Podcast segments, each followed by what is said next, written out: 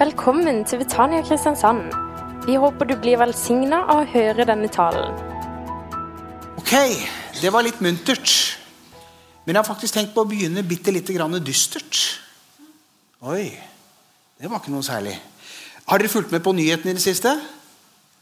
Vi følger med på nyhetene hele tida. Det er ikke KrF jeg tenker på nå, for det, den føljetongen der går jo så det suser. Men, men, nei, det var ikke det. Eh, men i går så hørte vi på nyhetene, det har vært mer i dag, om at 11 ble drept i en skyteepisode i en synagoge i Pittsburgh. Det er tragisk. Eh, og dette er på en måte bare en, en del av noe som, som i grunnen har kommet tilbake i den seinere tid i sterkere grad, nemlig det vi kaller for antisemittisme. Har du hørt det begrepet? Vet du hva det er for noe? Ja. Eh, den mannen som gjorde dette i Pittsburgh, han eh, løp visstnok inn i synagogen og så ropte han 'alle jøder må dø'.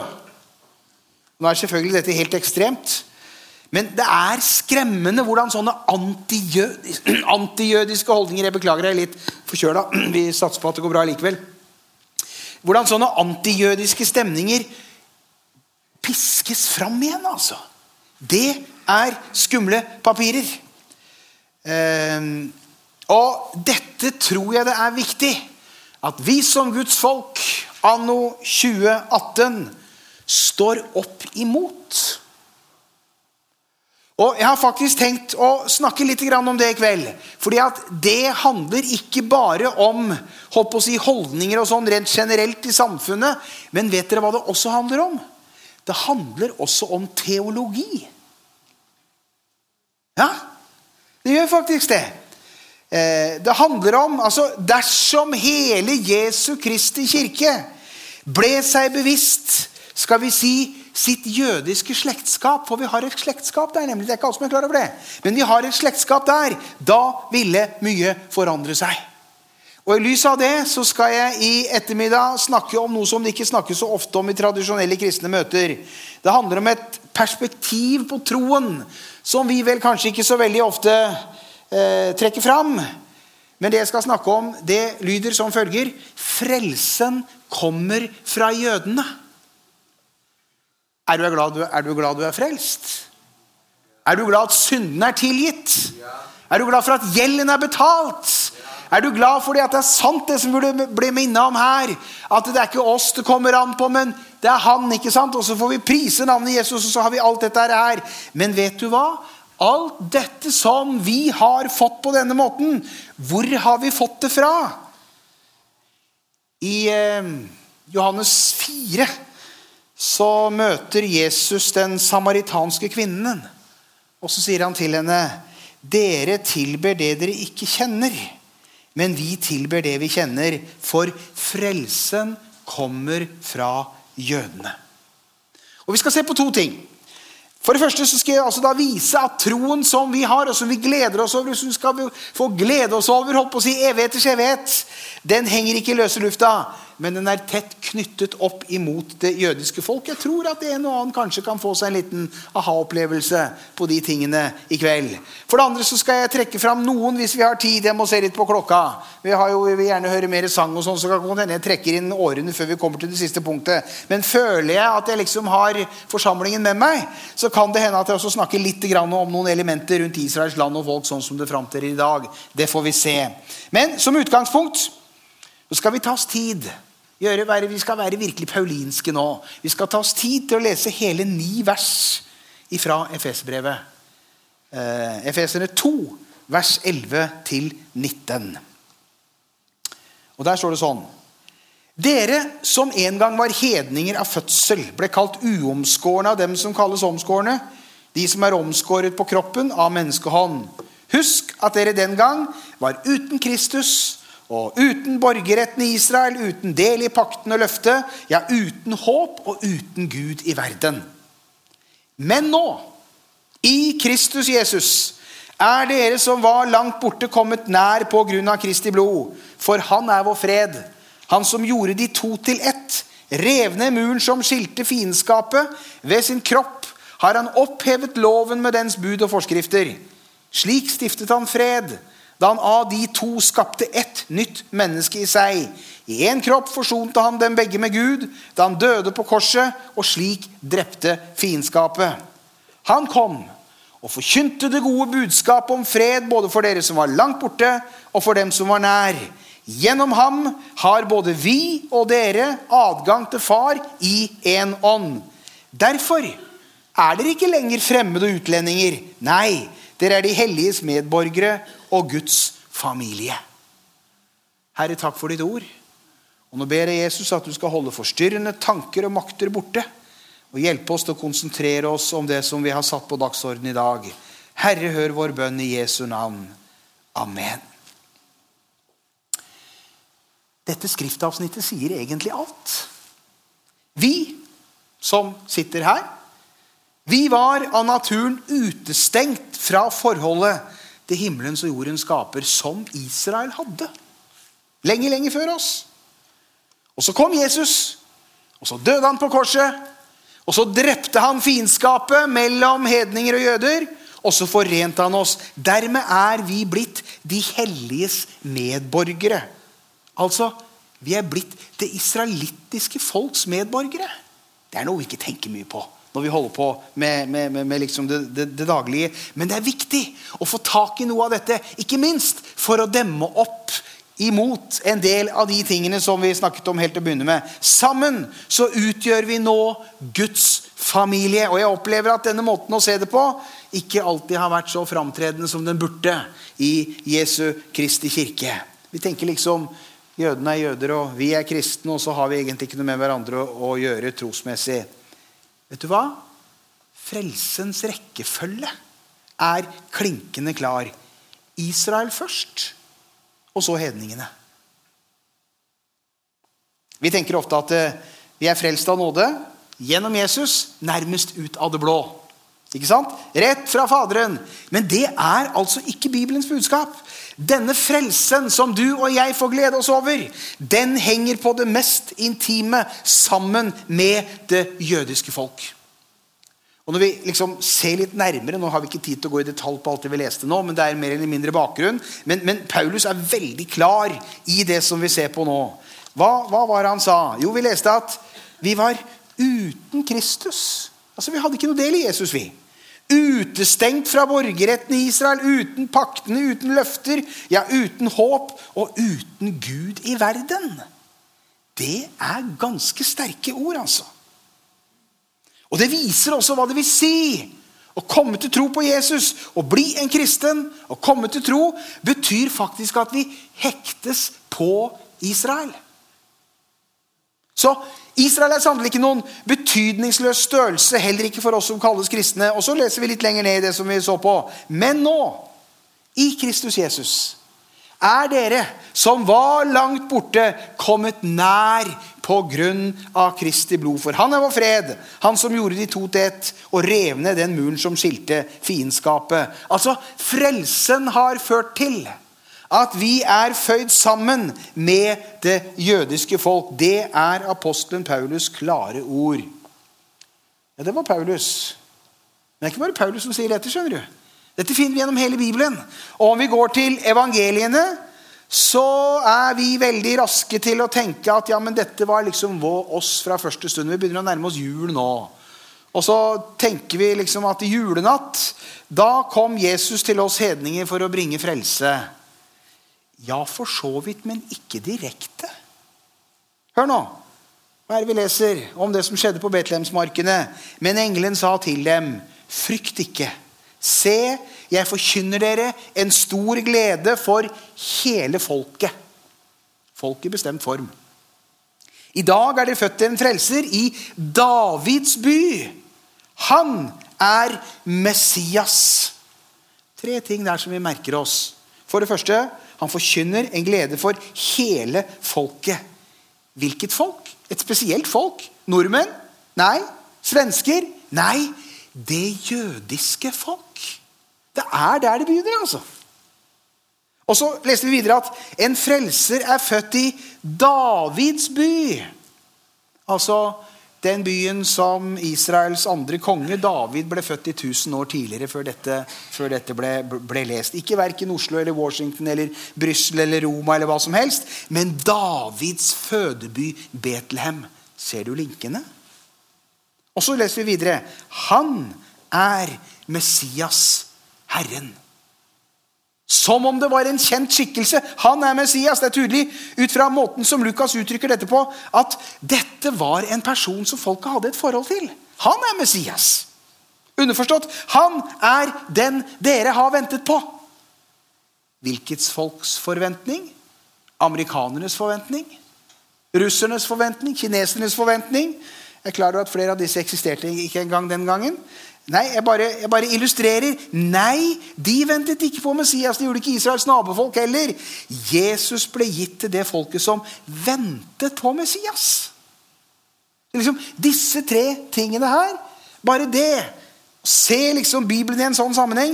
Det viser oss at her er det en start på dette, og en måte som gjør disse tingene, som dette skjer på, og det begynner i det jødiske folk. Ikke minst i jødenes samtid så var Messias-forventningen veldig sterk. Men de hadde ventet tidligere også. På Moabs ødemarker øst for Jeriko. Da de slo leir der og var på vei inn i det lovede land, så eh, hadde jo da en av fiendene deres, moabittene, leid en profet som skulle stå på høyden på andre sida av dette svære slettelandet, og så skulle han lyse forbannelse over dem. Han fikk ikke til å lyse forbannelse. Han lyste bare velsignelse. Og så sier han, 'Jeg ser ham, men ikke nå.' En stjerne stiger opp fra Jakob. Messias, frelserfyrsten, han som skulle komme. Og under skiftende overhøyhet så holdt de på å gråte og be og ventet. By the rivers of Babylon så satt de og gråt. De holdt på med dette hele veien. Og så husker vi beretningen fra Johansevangeliet.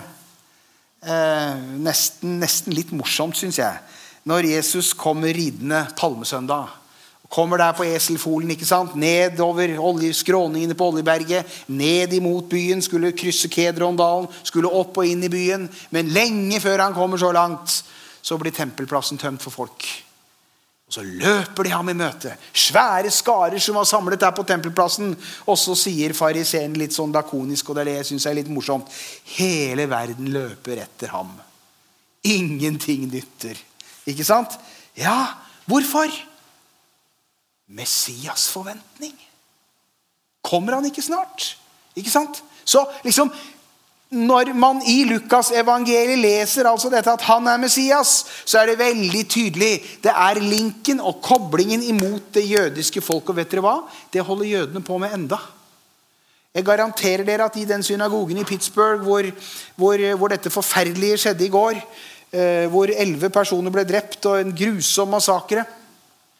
En av de tingene de sier i forbindelse med sabbatsgudstjenesten, det er Kommer han ikke snart? Betlemitten, i seg sønn. Forventningen Vi vet at han har kommet. Ja, ja, ja. Men de fleste i det jødiske folk har ikke sett det enda. De skal se det en dag. Men de har ikke sett det enda. Så liksom forventningen er der. Så hør nå. Evangeliet, beretningen om Jesus, henger altså ikke i løse lufta. Det er ikke noe som plutselig skjer et eller annet tilfeldig sted. Tvert imot. Det er på det mest intime knyttet sammen med Det gamle testamentet og med den jødiske settingen som vi snakker om der. Den Jesus som gjør under, som åpenbarer seg, som vekker opp døde og gjør alt dette her, han gjør det i en jødisk kontekst, en jødisk sammenheng. Så det er jødenes Messias vi ser i aksjon. Så da Jesus kom julenatt, så kom han til en hel verden. Men han kom via det jødiske folk fordi han var og er deres Messias. Ok, Det var litt om uh, hvordan uh, frelsens rekkefølge ser ut når vi går til evangelien og når vi går til Paulus. Uh, og det underlige er jo at vi ser akkurat det samme om du vipper over i apostlenes gjerninger også, og begynner å lese om den første kristne menighet og det som skjedde videre der. Vi tenker kanskje at ja, ja, greit nok det de begynte der. Men så kom pinse, og så faller ånden, og så er det ut til all verden for å forkynne evangeliet. Ja, Jesus sa jo det. Gå ut i all verden. Men vet du hva? Det er ikke tilfellet. Si, det tok unødig lang tid før de første apostlene fordi de var så tuna inn på dette. Så det tok veldig lang tid før de skjønte at dette er et budskap som også hører andre enn oss jøder til. De første ni kapitlene i apostelens gjerninger så er det nesten bare jødene som er i fokus. Vi har et unntak i, i kapittel 8 med samaritanerne, men de var jo halvjøder. ikke sant? Philip og, og vekkelsen der oppe i Samaria. Herren måtte faktisk gi en kraftig nær sagt, spesialåpenbaring til Peter. Der han oppholdt seg på taket i huset Garvaren, Simon Garvarens hus i, i Jaffa, i nær noen steinkast sør for Tel Aviv, for å forberede ham på at grensene skulle krysses, og at hedningene skulle få evangeliet. Dette var tydeligvis verken, verken eh, Peter eller de som var med ham, i, i, hadde de i tankene. Du husker duken ikke sant, som ble senket ned. Stå opp og spis, ble det sagt til Peter. Oi, ikke snakk om, sier Peter. Jeg holder spiseforskriftene. Jeg er da virkelig en rettroen, ikke sant? Så måtte han få dette synet tre ganger. Enda var han forskrekka da de kommer opp til Kornelius' hus. Og Peter forkynner evangeliet. Og så opplever Peter i det han står og forkynner, at Den hellige ånd faller på forsamlingen. Og Så begynner de å prise Gud i nye tunger, og så er det skikkelig vet du, ikke sant? Stor stemning. Guds ånd var der, og det skjedde store ting.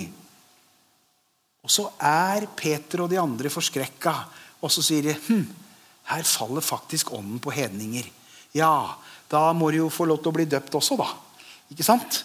Og så, og så, opplever de at de blir det. Så dette med at frelsen var en intern Israel-sak, det var veldig tydelig gjennom store deler av den første kristne tid. Hvorfor er det sånn? Hvorfor er det sånn at dette er knyttet opp mot Israel? Og jeg synes Det er glitrende sagt en, en, engelsk eh, teolog, uh, nytestamentlig, som heter Nicholas Thomas Wright som har skrevet en bok som heter 'How God Became King'. Hvordan Gud ble konge. Og Der har han en setning som jeg liker å sitere. Han sier følgende Universets skaper har utvalgt og kalt Israel til å være det folket som han vil forløse verden gjennom. Gud har en plan.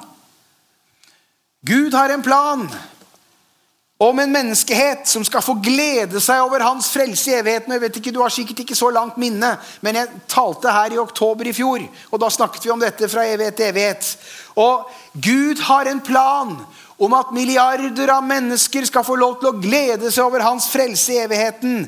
Men så er det altså det jødiske folk som er det redskapet han bruker for å gjennomføre dette. Og jeg tror, venner, Grunnen til at jeg snakker om dette i kveld Jeg ble litt sånn da, da vi hørte på, hørte på, nyhetene og alle disse tingene. Jeg snakker om det av og til, og jeg kjente at dette her ønsker jeg å ta fram.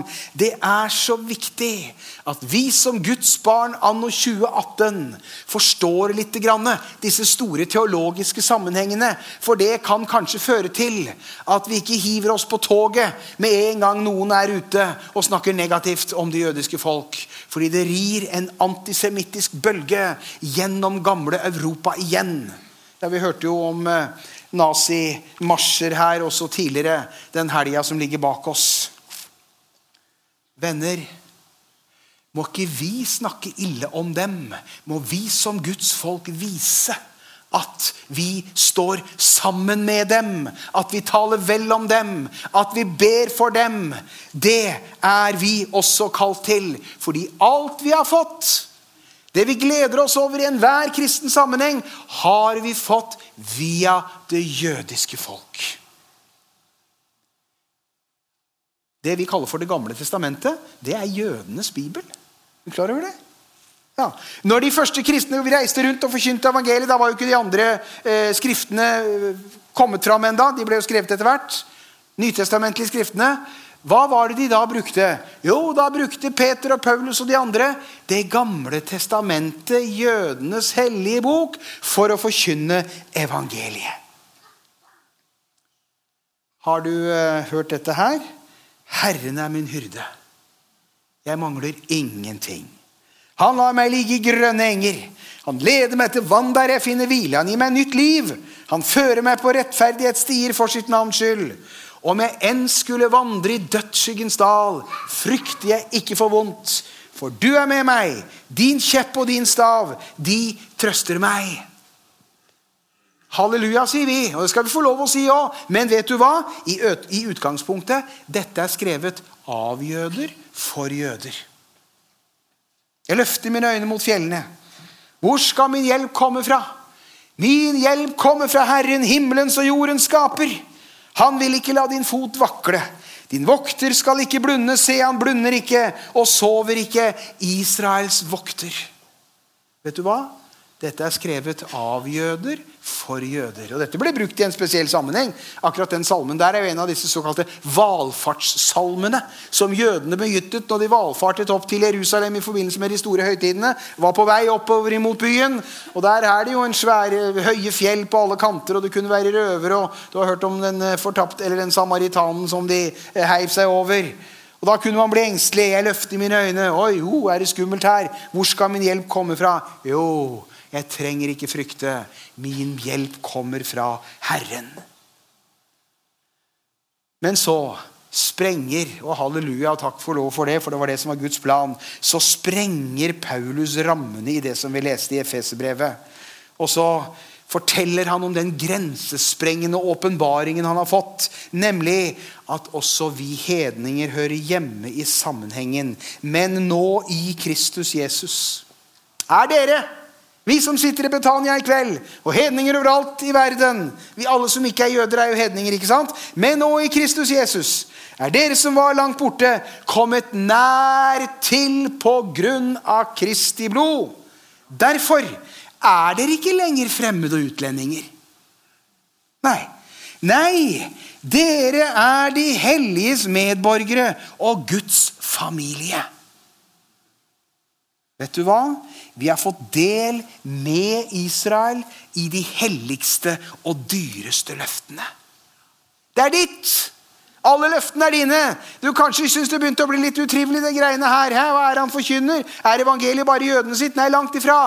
Vi har fått del. Han valgte å bruke Israel som det redskapet som det skulle være for å bringe verdens frelser inn på arenaen. Men vet dere hva? Da må vi ta det litt med i beregninga. I Rombrevet 11 så snakker Paulus om dette. Og så sier han til romermenigheten Der var det nemlig i ferd med å vokse opp litt skal vi si, sperrer eller eh, grenser eller et eller annet sånt nå, mellom de jødene og de kristne delen av menigheten. Og så sier han til de hedningene i rommenigheten Du ble hugget av fra et vilt oljetre og mot naturen poda inn på det gode treet. Hvor mye mer skal ikke da de naturlige grenene kunne bli podet tilbake på sitt eget oliventre? Hva er det Paulus sier her? Jo, han advarer mot den synd som skulle komme til å bli dessverre altfor dominerende i Jesu Kristi kirke i århundrene som fulgte. Nemlig at det er vi som har det, og jødene har ingenting.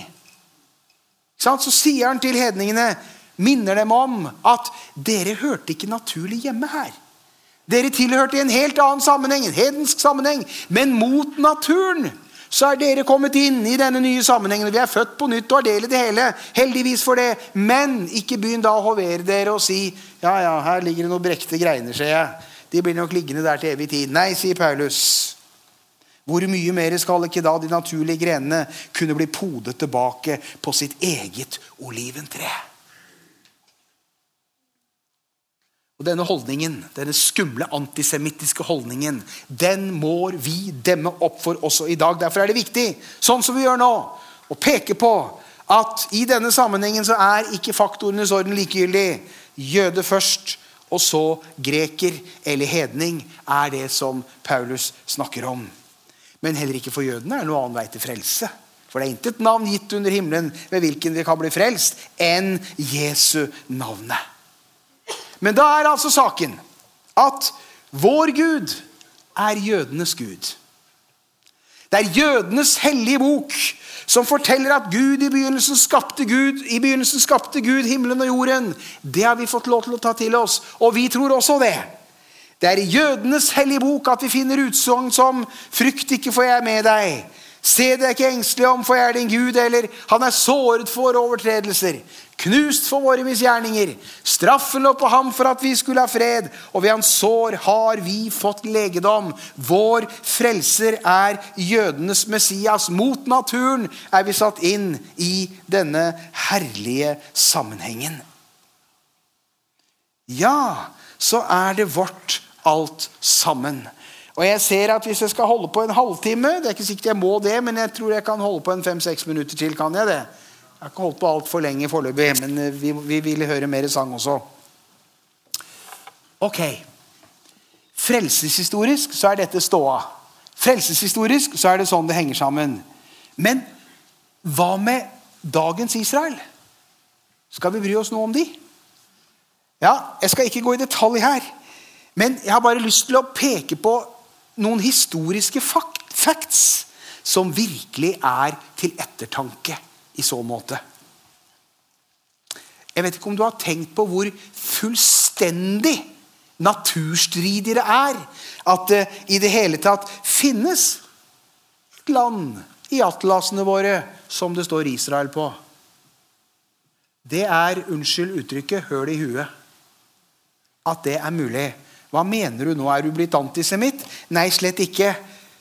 Men det er faktisk ingen nasjon som det er så naturstridig at eksisterer som den israelittiske nasjon, når man ser tilbake på deres historie. Store deler av dem ble presset ut av landet mot sin vilje i krigen mot romerne på 60- og 70-årene etter Kristus. Ytterligere hundretusener ble presset ut og drevet på flukt i forbindelse med Bar opprør mot romerne på 130-tallet. Ja, De fikk ikke lov til å komme nærmere enn x antall kilometer fra Jerusalem. Ingen jøde skulle være der lenger, i den byen som hadde vært deres hovedstad i tusen år. Og Jerusalem skulle ha et annet navn. Skulle ikke hete Jerusalem lenger. Skulle hete Aelia Capitolina. Eh, landet skulle ikke hete Judea og Samaria, men ble omdøpt til Filistina, eller Filisterland. Palestina, som det heter i dag. Det var liksom navnet, og så forsøkte man å slette alt dette. Og så vet vi hvordan historien gikk videre. Med forfølgelser, med progromer, med de grusomste ting, ikke minst fra den kristne kirke. Forfølgelser av verste sort. De ble hunset, de ble spottet, de ble plaget, de ble forfulgt. Det er fullstendig naturstridig at de fortsatt eksisterer som folk. Men de gjør det, altså. De gjør det.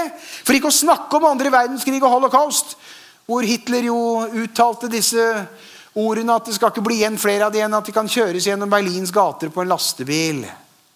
Det var hans utsagn om dette. Men allikevel jødene holdt fast på sitt håp. Og fra Europas brennende ruiner så strømmet de tilbake til sitt nygamle fedreland. Fordi de hadde i 2000 år sagt dette. Dette år her, neste år Jerusalem. Eller glemmer jeg deg, Jerusalem, da glemmer meg min høyre hånd. Og fra midten av 1800-tallet så strømmet de tilbake til sitt nygamle fedreland fra hele verden. Og så begynte de å snakke sitt gamle språk igjen.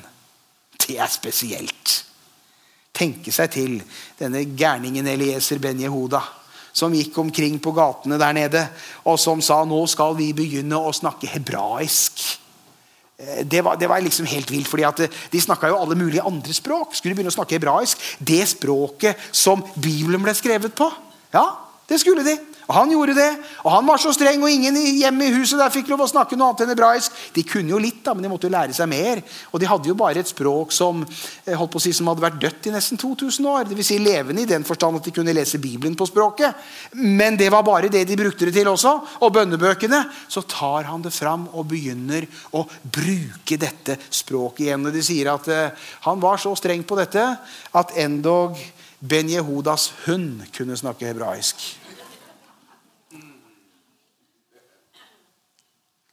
Død, så er de der tilbake igjen.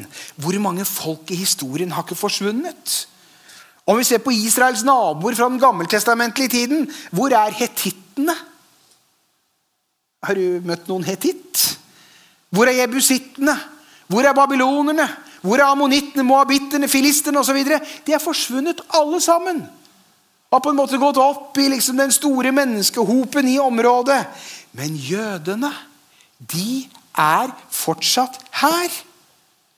Vet du, Israel er den eneste nasjonen på jorda som har det samme landområdet, bærer det samme navnet, taler det samme språket og tilber den samme Gud med den samme teologien i dag som for 3000 år siden. Det er helt vilt, for å si det på sørlandsk. Og det faktum at det jødiske folk fortsatt eksisterer, det er for meg en kraftig pekepinn i retning av at dette folket har fortsatt sin plass i Guds plan. På tross av enorm motbør fra alle verdens kanter, så eksisterer dette folket stadig vekk innenfor det samme geografiske landområdet som da David satt på tronen i Jerusalem 1000 år før Kristus. Det finnes bare én forklaring på det. Himmelens og jordens skaper ville det sånn så var det det jeg ville med det jeg skulle få lov til å si her denne kvelden i Betania. Jeg ønsket å peke på at frelsens orden er ikke tilfeldig. Det begynner med det jødiske folk. Vi har det derfra. Vi er blitt koblet opp imot de. Betyr ikke at det holdt på å si at vi er noe annenrangs, eller noe sånt noe. men som Nicholas Thomas Wright sier, de var det redskapet som Gud ville bruke. Så hvis vi liksom trekker et sånn fra evighet til evighet-perspektiv på alt vi holder på med, så var det altså sånn at i begynnelsen så skapte Gud himmelen og jorden. Og det gjorde han for at en slekt skulle få lov til å glede seg over hans frelse i evigheten der framme. Så falt menneskeheten i synd, og så brukte is, Gud Israel som redskap for å bringe verdens frelser og gi håp og retning igjen. Det må vi ta med oss. Og så sitter vi her, og så avslutter jeg med to oppfordringer. For det første La oss tale vel om og be for og ha respekt for det folket som har gitt oss Bibelen og Jesus og frelsen. La oss virkelig gjøre det. Og for det andre, la oss peke på Jesus, som ikke bare er jødenes Messias, men som er hele verdens frelser. Og så skal vi stå og gjøre den jobben som vi er satt til å gjøre. Vi lever i helt spesielle tider. Vi lever i de tider hvor både teknologi og naturvitenskap og allting gjør det mulig å vinne mange mange, mange nye mennesker for Kristus. Aldri har det vært mulig å vinne så mange for Kristus som i dag. Aldri har vi vært så nær å nå misjonsbefalingen heller om at alle etniske grupper skal få høre evangeliet. La oss bringe kongen tilbake. Jesus Messias skal bringes tilbake. Der har du en jobb. Og dette er ikke noen sånne veldig høytsvevende greier. Dette er dønn konkret. Dette handler om møter på søndag ettermiddag i Betania. Dette handler om junior, dette handler om kvinnemøter, dette handler om korøvelse. det handler om alt mulig. Vi ønsker å bringe kongen tilbake også i vår del av verden. Dette som vi har fått av Herren gjennom det jødiske folk. Og alt folket sa amen. Du har nå hørt en tale fra Betania Kristiansand. For mer informasjon kan du besøke våre hjemmesider på betaniakrs.no.